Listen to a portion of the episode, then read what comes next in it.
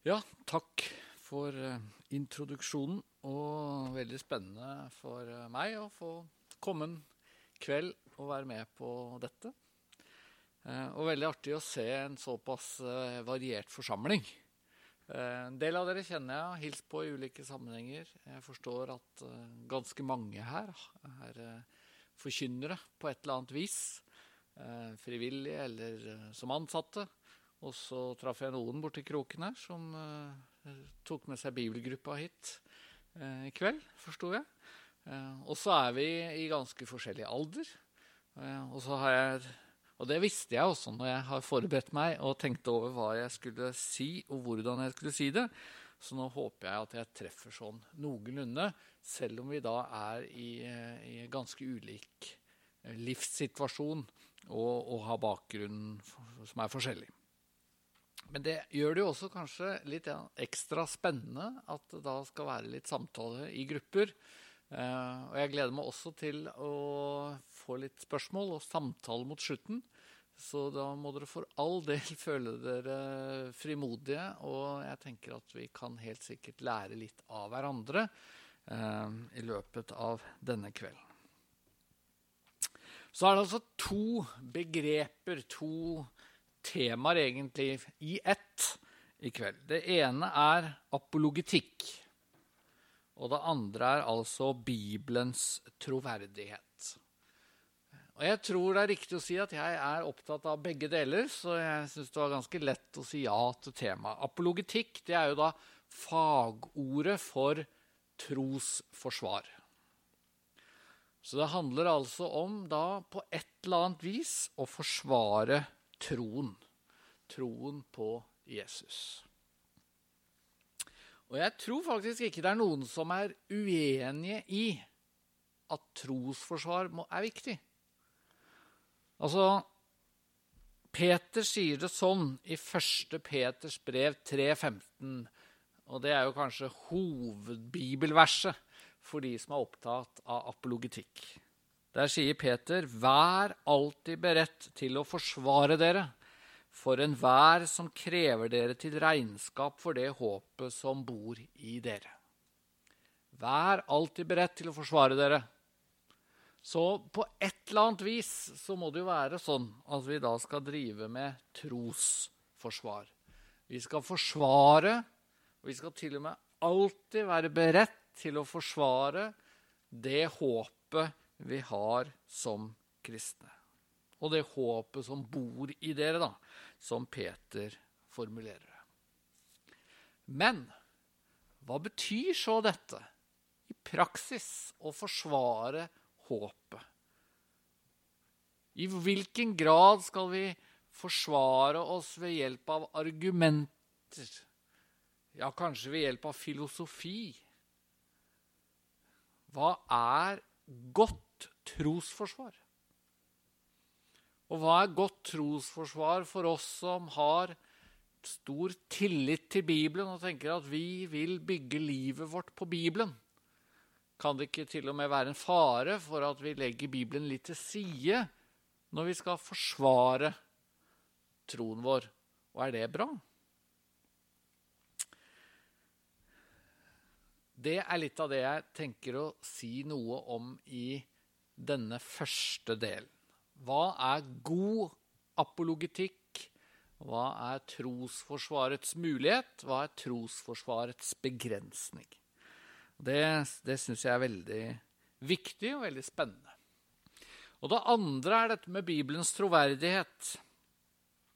Og der lever vi jo i en situasjon her i Norge hvor det er veldig mange av de som ikke pleier å rusle på bedehusene, som har veldig mange spørsmål og kommentarer når det gjelder kan vi stole på Bibelen. Jeg var misjonær i Peru i noen år.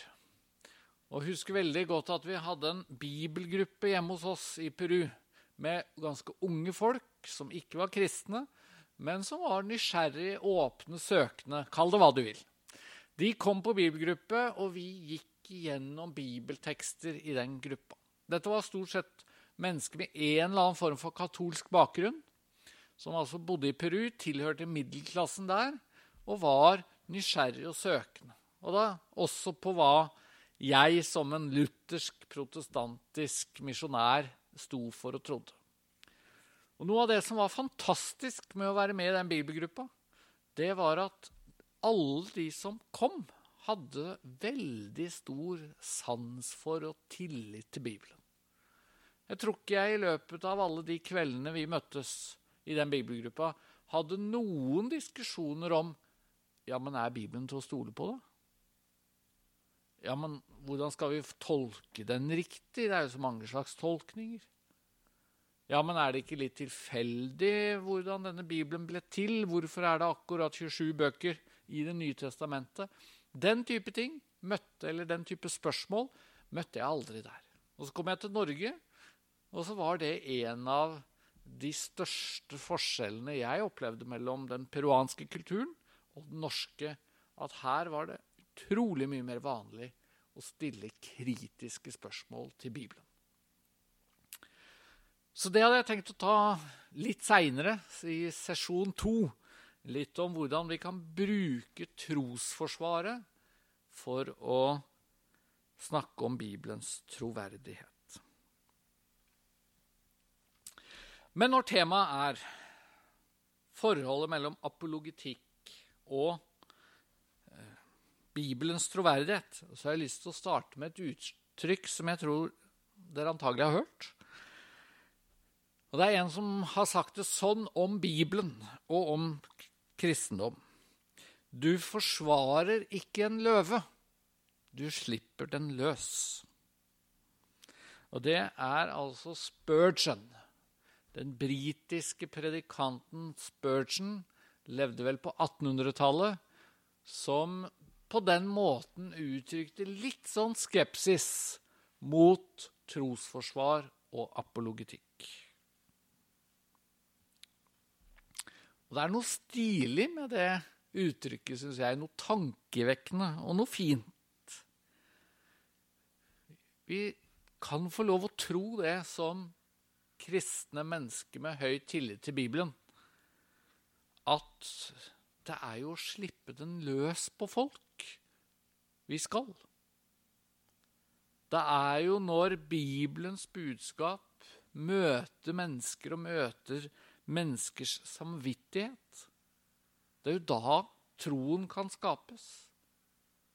Det er jo da det kan skje det at mennesket kommer til tro. Og noen tenker at, at det er sånn vi egentlig bør tenke om trosforsvar. At vi egentlig ikke skal gjøre det noe særlig. Det vil si, la oss slippe Bibelen løs på folk. Det å bruke fornuft eller logiske argument eller den slags, det er fåfengt. Noen tenker sånn fordi det er jo sånn at troen, den sitter på en måte her. Den sitter i hjertet vårt, den sitter i samvittigheten vår på et eller annet vis. Det er den som må vekkes. Mens hvis vi driver med apologitikk, hvis vi driver med trosforsvar, hvis vi driver med argumentasjon, ja, da forholder vi oss bare til hodet på folk.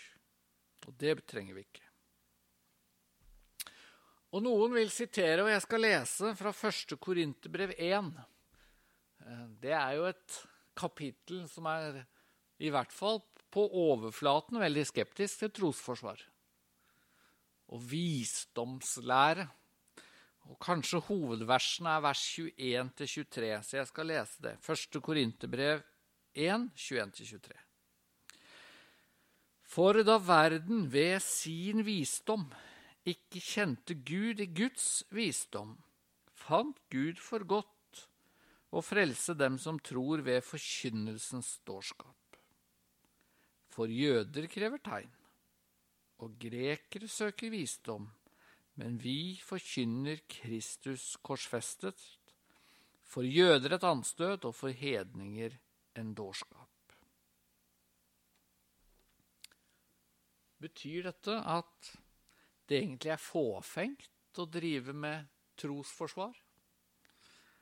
Skal vi nøye oss med å proklamere evangeliet om Jesus, ta sikte på å treffe mennesker mer i hjertet enn i hodet, og nøye oss med det. Og her tenker nok kristne litt ulikt. Og jeg tror det tenkes litt ulikt i NLM-sammenheng og i bedehusland generelt. Og én grunn til at vi tenker litt ulikt, det er nok at vi er forskjellige. Noen er litt mer grublende enn andre. Noen kristne kjenner veldig godt på tvil, på usikkerhet. Og jeg er nok sjøl en av den typen. Som kan oppleve, hvis jeg møter noen som argumenterer veldig, som kommer med masse kritiske spørsmål På en god måte, da, ellers så blir jeg jo bare oppgitt og sint, kanskje. Men, men hvis, de, hvis de formulerer det litt skarpt, litt tankevekkende, kanskje på en litt ny måte, ja, så kan jeg ta det med meg hjem, hadde jeg nær sagt, og gruble og tenke og kjenne at, at troen min rokkes litt. Mens andre tror jeg er skrudd sammen slik at, at nei, tvile Altså, jeg snakker jo med Gud hver morgen. Hva, hva er egentlig problemet? Ja. Eller noen har kanskje såpass sterke opplevelser, eller de har i hvert fall hatt en omvendelseshistorie eller et kanskje et spesifikt under, et mirakel i livet som gjør at, at Gud er der, og at Jesus er sannheten, det, det tviler de egentlig ikke på. Men, men, om de er gode kristne, om de får til dette med å leve godt med Gud og sånn, det, det kan de slite med. Og de vil kanskje snakke om anfektelse. Men at, at selve det kristne budskapet er sant, nei, det, det er ikke noe særlig problem. Og min tanke er jo at vi må vise respekt for at vi er forskjellige, at Gud også kan finne ulike veier til menneskehjerter. Noen har en omvendelse som i veldig liten grad har med argumentasjon og den slags å gjøre, mens andre opplever at det var faktisk viktig å få svar på noen av de tingene jeg har grublet over, noen av de spørsmålene jeg har hatt.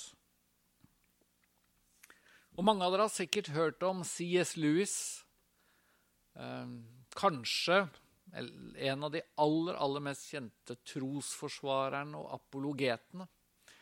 C.S. Lewis han uh, døde i 1963. Han døde faktisk på samme dag som John F. Kennedy ble skutt. Uh, og det gjorde jo egentlig at det kom litt i skyggen av uh, drapet på Amerikas president.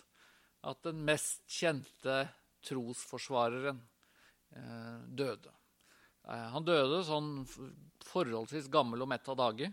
Han var bare litt over 60 år. Men han ble en kristen som 31-åring. Eh, da var han professor i litteratur. Han hadde vært ateist det aller meste av livet.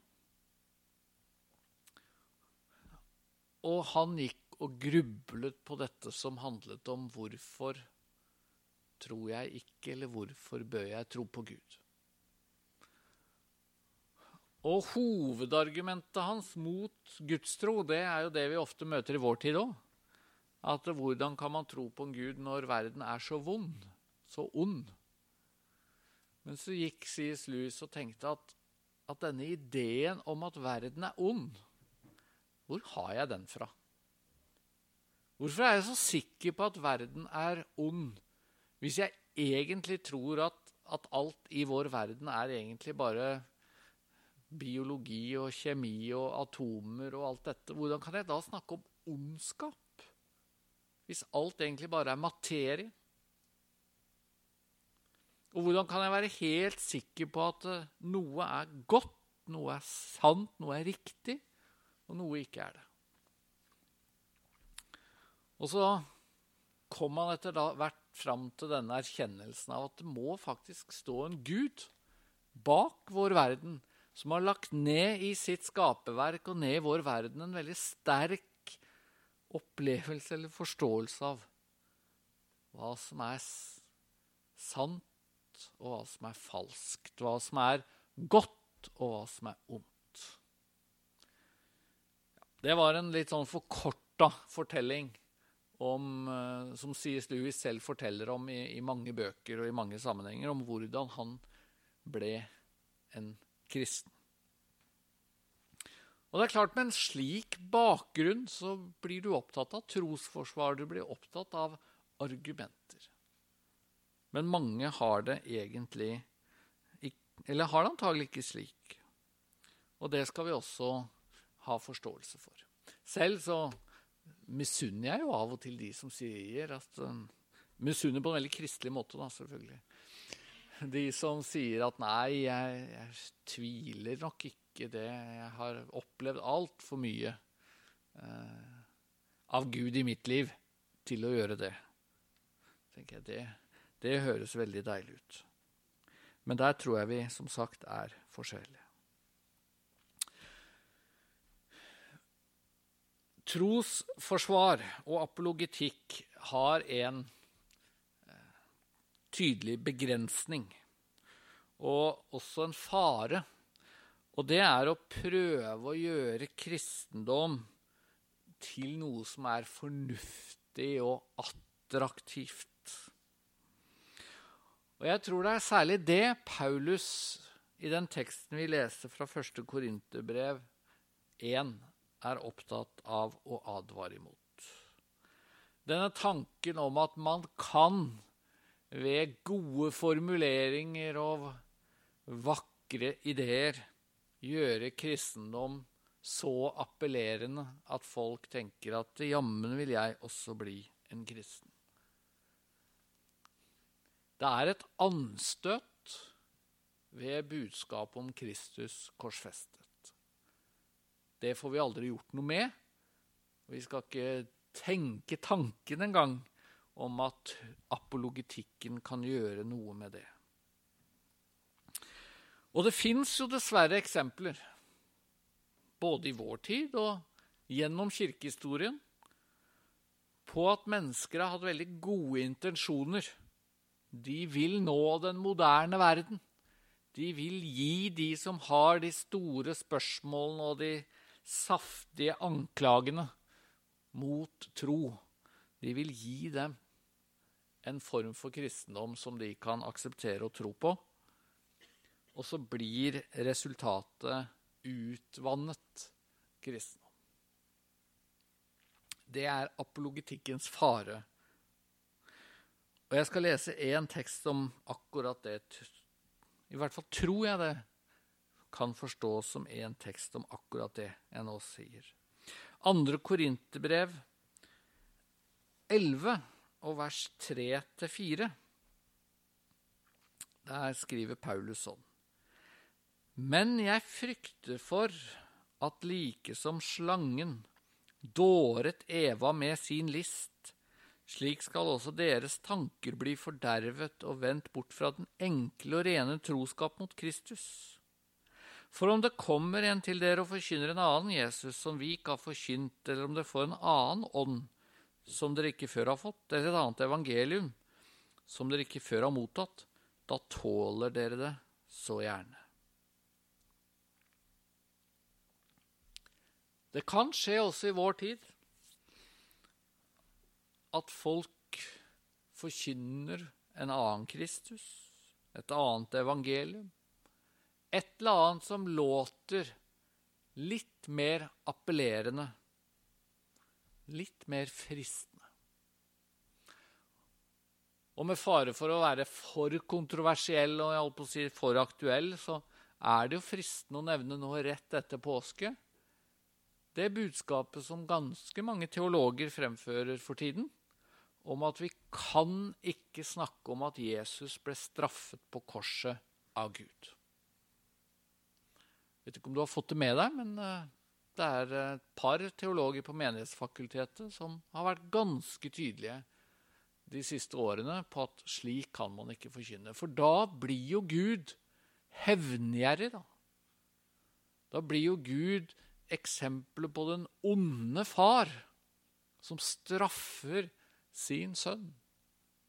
Nei, vi kan ikke tenke sånn om korset, vi kan ikke tenke sånn om forsoningen. Ja, kanskje, sier disse, så kan vi ikke engang snakke om Jesus som stedfortreder, at han tok straffen i vårt sted. For da blir jo Gud denne guden som straffer. For meg så er det et eksempel på at apologitikken skjærer ut eh, og blir til noe som faktisk fører folk vil. Fordi man vil gjøre Gud og forsoningen og frelsen så forståelig og så appellerende at man faktisk tar bort noe som tekstene sier veldig klart. Det er en stedfortredertanke i Bibelen som vi ikke kommer forbi, og som vi egentlig bør takke for. Straffen lå på ham for at vi skulle ha fred, står det i Jesaja 53 om Jesus.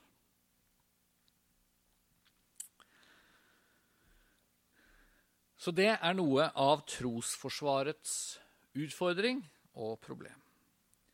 Men jeg tror at noen former for trosforsvar, noen former for apologitikk, er viktige og er bibelske og er noe vi skal drive med.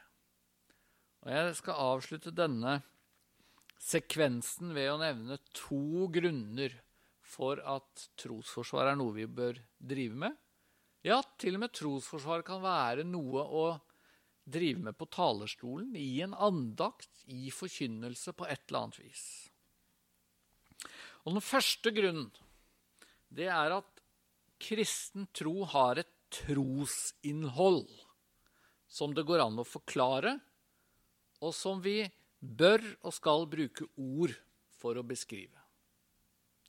Og det jeg sier nå, er jo ikke spesielt kontroversielt. Dette tenker vi alle, håper og tror jeg.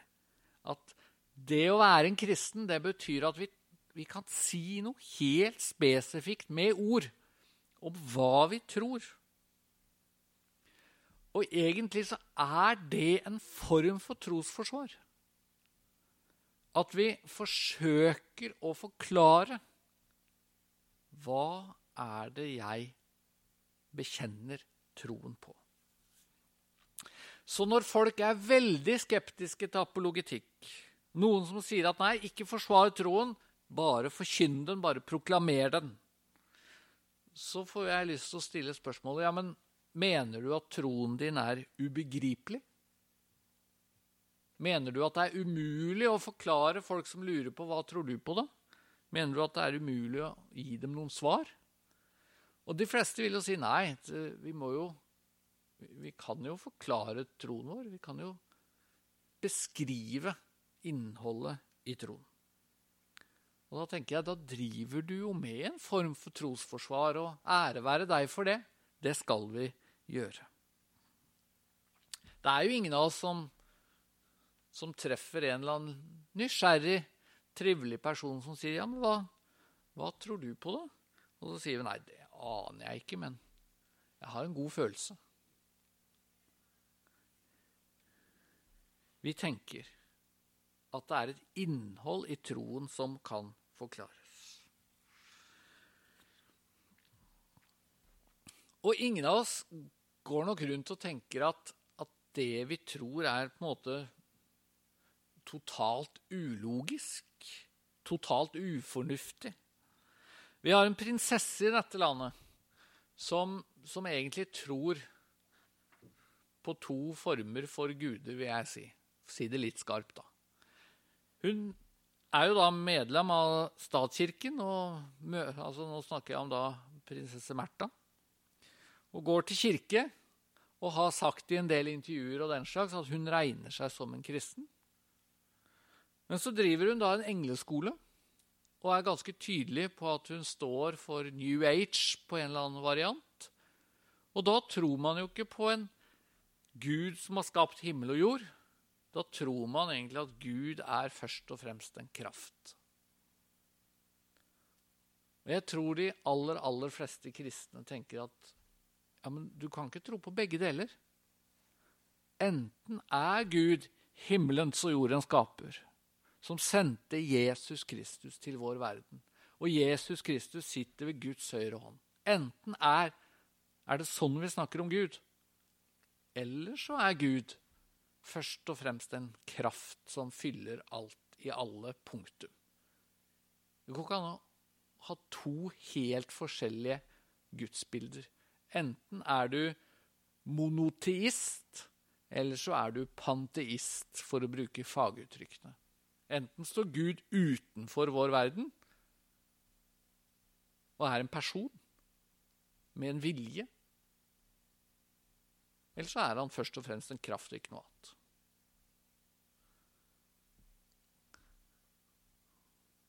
Og hvis man er opptatt av å skjelne mellom ulike gudsbilder og si at dette er den Gud jeg tror på, ja, da driver du med apologetikk på et eller annet vis. Da prøver du å forklare og dermed forsvare troen din.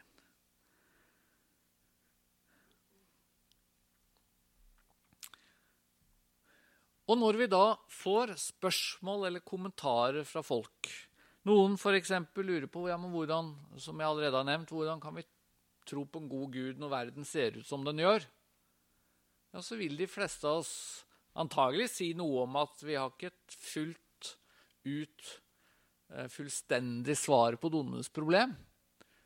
Men vi vil antagelig også si at, at grunnen til at verden ser ut som den gjør, er at den er god fordi Gud har skapt den, men så ligger verden i det onde.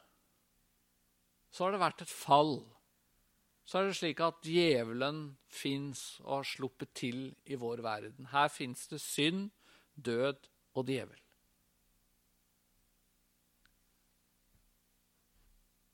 Er det en forklaring av troen, eller er det et forsvar? Ja, Det spørs jo hva slags type samtale du har med et menneske. Eller som jeg akkurat har vært inne på, dette spørsmålet om hva er det egentlig som skjedde på korset? Sonte Jesus verdens synd? Tok han vår straff? Når vi får spørsmål og kommentarer knytta til hvorfor er påsken så viktig, ja, så vil de aller fleste av oss tenke at, at dette går det an å si noe om. Noe som gir mening, noe som er forståelig. Og så betyr jo ikke dette at man kan forklare og forsvare absolutt alt. Det fins paradokser i troen. Treenigheten er det mest åpenbare paradokset. Vi klarer ikke å fullt ut forklare treenigheten. Men noe kan vi også si om det å tro på en treenig Gud. Men uansett altså hvor mye vi prøver å forklare og forsvare, så klarer vi ikke og skal vi ikke ta bort anstøtet ved evangeliet. Budskapet oppleves, som Paulus sier, anstøtelig for jøder og dårskap for hedninger. Og derfor forkynner han Kristus korsfestet. Og det skal du og jeg også gjøre. Hovedsaken er jo at vi forkynner til hjertet, til samvittigheten. Men det betyr ikke at, at det å ikke forklare og forsvare hva vi faktisk tror, er helt uviktig. Så det var det første jeg hadde tenkt å si. Og det siste altså Det første er at kristen tro er trosinnhold. Og selvfølgelig må vi prøve å forklare og beskrive hva vi tror. Og det andre grunnen til at apologetikk er viktig og noe vi bør drive med, det er at når vi møter anklager mot kristen tro, så er det naturlig å besvare de. Og det er til og med viktig å besvare anklager. Og jeg tenker at For meg så er apologetikk først og fremst å besvare anklager. Ikke minst i vår tid, i et så sekulært og av og til litt antikristelig kultur som vi lever i, hvor det er mange anklager som stadig kastes ut mot kristendom og kristentro, så er det jo viktig at vi besvarer de. Det betyr ikke at vi prøver å bruke argumenter for at folk skal bli kristne. Det er jeg usikker på om går. Grunnen til at folk blir kristne, er at de får et møte med Jesus i evangeliet. Men en del mennesker er rett og slett ikke særlig interessert i å høre evangeliet, for de har så mange fordommer, og de har så mange anklager. Og det å rydde bort i det der kan faktisk være en viktig opprydningsjobb før man står i den muligheten at man kan presentere Jesus som Guds sønn og verdens frelser. Og Jeg hadde par, noen eksempler tenkte jeg, som jeg da avslutter med, på anklager som jeg tenker at det er naturlig å prøve å svare på. Og Den første jeg skal nevne, den møtte jeg selv som 17-åring eller noe sånt. Jeg gikk på gymnaset. Jeg er fra Tønsberg, gikk på Tønsberg gymnas og var kristen. Ganske aktiv i skolelaget. Opptatt av eh, å være en tydelig kristen. Så husker jeg at det begynte en ny fyr i klassen. Eh, han kom i dress som 17-åring på skolen. Han kom fra Asker og var litt sånn kjepphøy type. Eh, var veldig opptatt av å, finne, å, fortelle alle oss som gikk i denne klassen fra før på Tønsberg gymnas, om at uh, han lå langt foran når det gjaldt pensum, og den skolen han kom fra, var så mye bedre. Og det første tror jeg han sa til meg da vi havna på pult ved siden av hverandre, og han fant ut at jeg var kristen, det var følgende Kan Gud skape en så stor stein at han ikke kan løfte den?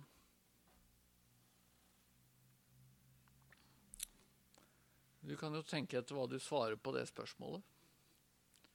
Kan Gud skape en så stor stein at han ikke selv kan løfte den? Og han var så fornøyd når han stilte det spørsmålet. Han lente seg litt tilbake og la armene i kors og tenkte at nå har jeg satt enda en kristen litt sånn opp til veggen. Og det hadde han litt rett i. Jeg ante ikke hva jeg skulle svare.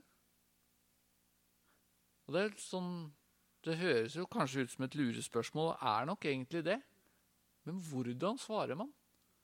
Hvordan svarer man en person da, som helt tydelig tenker at dette med Gud og det å tro på en allmektig Gud det er helt meningsløst. Og så har han det ene spørsmålet for å bevise det. Og da tenkte jeg at, at det bør man jo kunne svare på. Og etter hvert så har jeg kommet fram til at, at det er jo et lurespørsmål. Det blir omtrent som å si Kan Gud tegne en firkantet sirkel? Og så er jo svaret at nei, Gud kan jo ikke det. Men det er fordi det er et meningsløst spørsmål. Ingen kan tegne en firkantet sirkel. Det har ingenting med allmektighet å gjøre. Det har noe med at det er logisk umulig. Det er et lurespørsmål. Og så er det faktisk viktig, når vi skal prøve å forklare troen vår, å si at det er en del ting Gud ikke kan. Av og til så tenker jeg at kristne kan stå i fare for å nesten ha et litt sånn muslimsk allmaktsbegrep, hvor det aller viktigste er at Gud kan alt. Men det er jo ikke det aller viktigste for kristne. Det viktigste er at Gud er kjærlighet. Og det står faktisk i Bibelen at det er én ting Gud ikke kan. Gud kan ikke lyve. Det står det i Titus brev. Gud kan ikke lyve. Og det står et annet sted at han kan ikke fornekte seg selv. Slik at det å tro på en allmektig Gud, det betyr ikke å tro på et allmaktsbegrep som er helt matematisk, hvis man kan si det sånn. Gud har i hvert fall bestemt seg for at det er noen ting han ikke kan, og ikke skal og ikke vil noen gang, og det er f.eks. det å lyve. Så det var en sånn anklage som jeg tenker at ja, den må vi prøve å svare på. En annen anklage som er blitt veldig vanlig i vår tid, det er at noen sier noe sånt som at det å tro på Gud, det er like fornuftig som å tro på en flyvende tekanne i verdensrommet som man ikke kan se, men bare sier at den fins. Eller et spagettimonster. Det er jo faktisk en kirke her i Norge som er, er eh, et trossamfunn som er registrert, som heter uh, Spagettikirken eller et eller annet i den duren. Og det man da tror på, er en, et spagettimonster. Og Det er sånn fjasereligion, selvfølgelig. Bare laget for å prøve å vise at det å tro på Gud er like tåpelig som å gå rundt og tro på et spagettimonster. Eller for den saks skyld å tro på julenissen. Og jeg tenker at Når man møter mennesker som snakker sånn om det å tro på Gud, så er det viktig å kunne ha noe å svare. Og Akkurat dette har jeg lest litt om og prøvd å sette meg litt inn i. Og det å sammenligne det å tro på Gud med f.eks. det å da tro på et spagettimonster, det viser jo egentlig at den som snakker om dette, har ikke forstått hva det betyr å tro på Gud. Ikke i det hele tatt. For det å tro på Gud er å tro på årsaken og grunnen for at noe som helst fins. Gud er den, ifølge kristen tro, som står utenfor verden, den som ikke er skapt, han som har vært fra evighet av, han som har den fullkomne kjærlighet, den fullkomne vilje, osv. Et spagettimonster er jo skapt av noe, nemlig spagetti. Men hvem har lagd den spagettien? Slik at det å tro på et spagettimonster er jo noe helt annet enn å tro på en gud som er uskapt, og som er grunnleggende annerledes fra alt som er skapt. Og nå er vi egentlig litt sånn inne i filosofien, og det syns jeg er ganske interessant og, og, og, artig. Og det er veldig mange mennesker som ikke trenger å tenke veldig nøye over forskjellen på Gud og et spagettimonster. Det er helt sikkert noen her som aldri har hørt om dette spagettimonsteret engang. Men noen. Noen stiller sånne spørsmål. Noen har sånne anklager. Og da kan det være lurt å ha et svar. Og det siste eksempelet på en anklage som Og den tror jeg de fleste av dere har hørt. Det er noe i retning av at vitenskapen har jo erstattet behovet for Gud. Og det er veldig mange, kanskje særlig i Norge, tenker jeg av og til, som mener at, at det å tro på vitenskap, det, det er rett og slett en erstatning for det å tro på Gud. Det har kommet så mange vitenskapelige fremskritt. Og dessuten har man Big Bang-teorien, og man har evolusjonslæren og alt dette. Vi trenger ikke lenger en gud. Og Jeg syns det er flott og jeg tror det er viktig at det finnes noen kristne som prøver å undersøke en sånn påstand. Stemmer det? Kan man bruke vitenskapen for å parkere Gud på sidelinjen?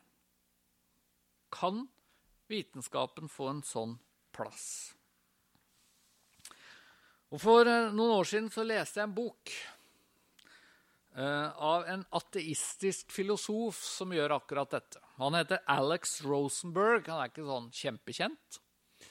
Men han er altså filosof, han er ateist, og han er noe så sært, vil jo jeg da si, som scientist.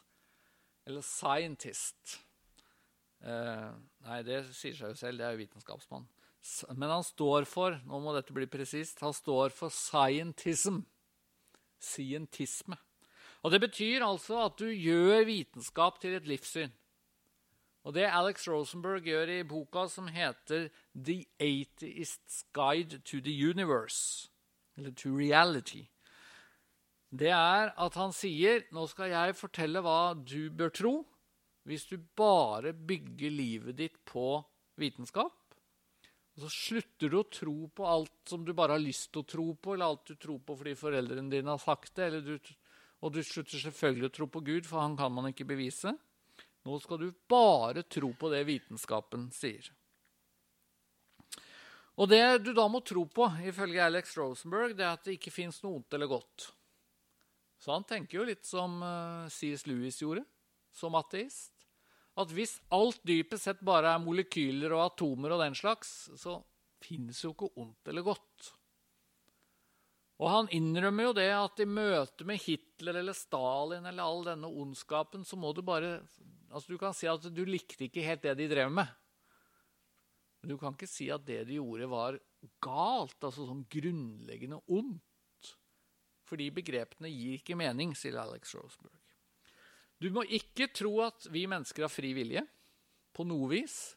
Og da snakker vi ikke om sånn teologisk debatt om den frie vilje i syndens verden og sånn, men, men, Alex Rosenberg mener at alt det du og jeg gjør, kan vi ikke noe for på noe vis. Du kan ikke stille et menneske ansvarlig for noe som helst. Så den eneste grunnen for til å fengsle folk, det er for å beskytte beskytte samfunnet. Det er ikke fordi noen fortjener straff, for du kan ikke, for, du kan ikke noe for det du gjør. Egentlig Noen av dere husker sikkert debatten etter 22.07. Med, med ABB, Anders Behring Breivik. Skulle han ses på som tilregnelig? Og Det var veldig mange av oss som syntes at det var helt forferdelig hvis han bare ble sett på som syk. At han ikke kunne noe for det. Kunne han virkelig ikke noe for at han gikk rundt på en øy og plaffa ned uskyldige unge mennesker. Og så ble han jo dømt. Mens Alex Rosenberg sier at alle mennesker skal ses på som utilregnelige. Vi er ikke ansvarlige for det vi gjør. Vi bare følger på en måte hjernens befalinger. Og begreper som menneskeverd og den slags, menneskerettigheter, alt sånt er helt håpløst. Bare tøv og tull. Det er der han havner, når han vil altså bruke vitenskapen for å erstatte Gud. Og det er veldig få som havner der.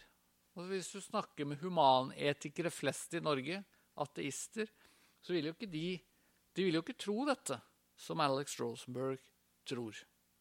Fordi det å bare bygge på vitenskap er egentlig umulig. Man ender opp med å tro de mest utrolige ting. Så er det jo sant at Gud ikke kan bevises, som Alex Rosenberg sier og veldig mange andre av oss tenker. Men det er egentlig utrolig lite som strengt tatt kan bevises helt sånn matematisk, logisk. Vi kan ta det som en øvelse en annen gang. Kan du liksom bevise at det bordet er der sånn, på en vanntett måte? Og det viser seg faktisk at det er ganske vanskelig hvis du skal være veldig strengt filosofisk. Kan jo hende alle sansene dine lurer deg. Hvordan vet du at, og hvordan vet du at det ikke egentlig er en slags drøm at du er her i dag? Litt livaktig drøm, men dog. Og sånn kan vi fortsette. Mitt poeng er altså at når vi møter anklager, kritiske spørsmål, da har apologitikken et ansvar. Og en mulighet. Ikke for at vi skal bruke argumenter for å få folk til å bli kristne, men fordi at skal du nå mennesker, menneskers hjerter, så kan det være nyttig å fjerne noen av de misforståelsene de bærer på, noen av de fordommene de har mot kristendom. Da runder jeg av der nå, og så skal jeg si litt mer om det å forsvare Bibelens troverdighet etterpå.